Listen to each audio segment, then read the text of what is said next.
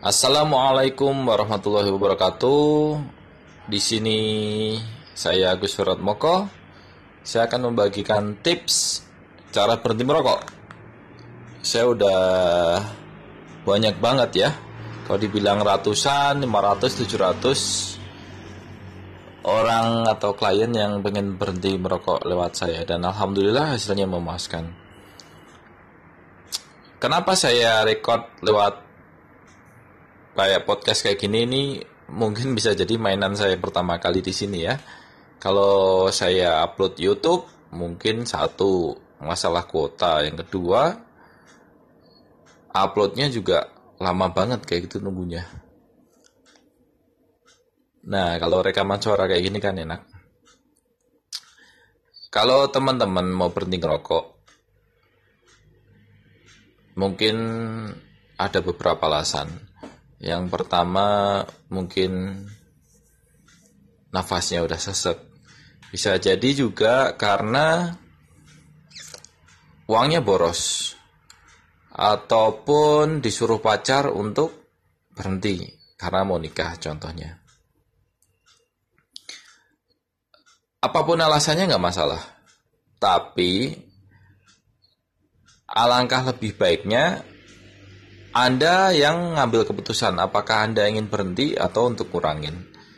Karena ketika saya terapi kadang banyak orang yang cukup ingin kurangin aja, nggak mau berhenti. Nah,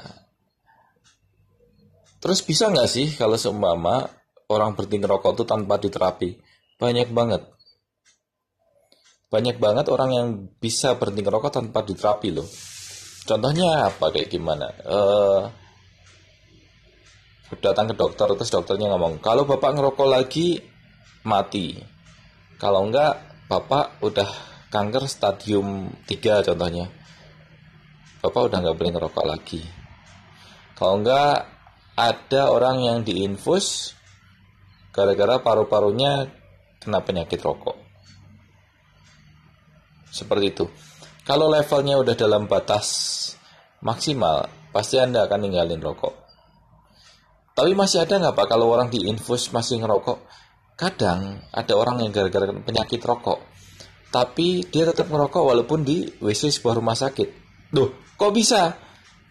Karena gini, penyakit rokok yang dia alamin itu tidak sebanding dengan enaknya rokok. Jadi dia tetap lanjut ngerokok, nggak peduli. Nah, mengerti? Mungkin rekan-rekan ada yang dengerin itu kayak gitu juga ya.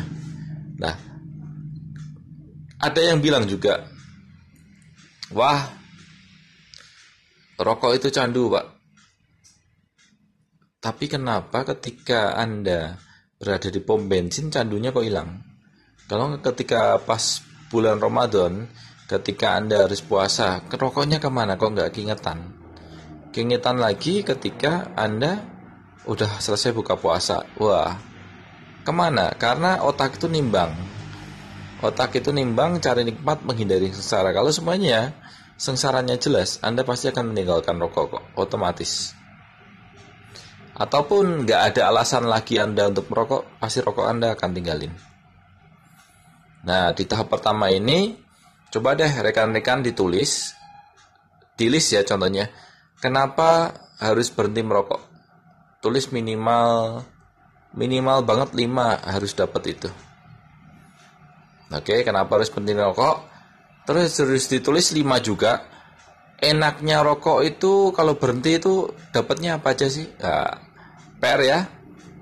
Oke, sekian dari saya. Nanti kita lanjutin lagi podcastnya. Silakan simak kelanjutannya. Oke, semoga banyak rezeki, sehat selalu, dan bisa kunjungin website saya cara berhenti merokok ataupun channel YouTube saya cara berhenti merokok. Juga kalau website kan cara berhenti merokok.com. Kalau di Instagram itu terapi rokok. Seperti itu. Sekian dari saya. Assalamualaikum warahmatullahi wabarakatuh.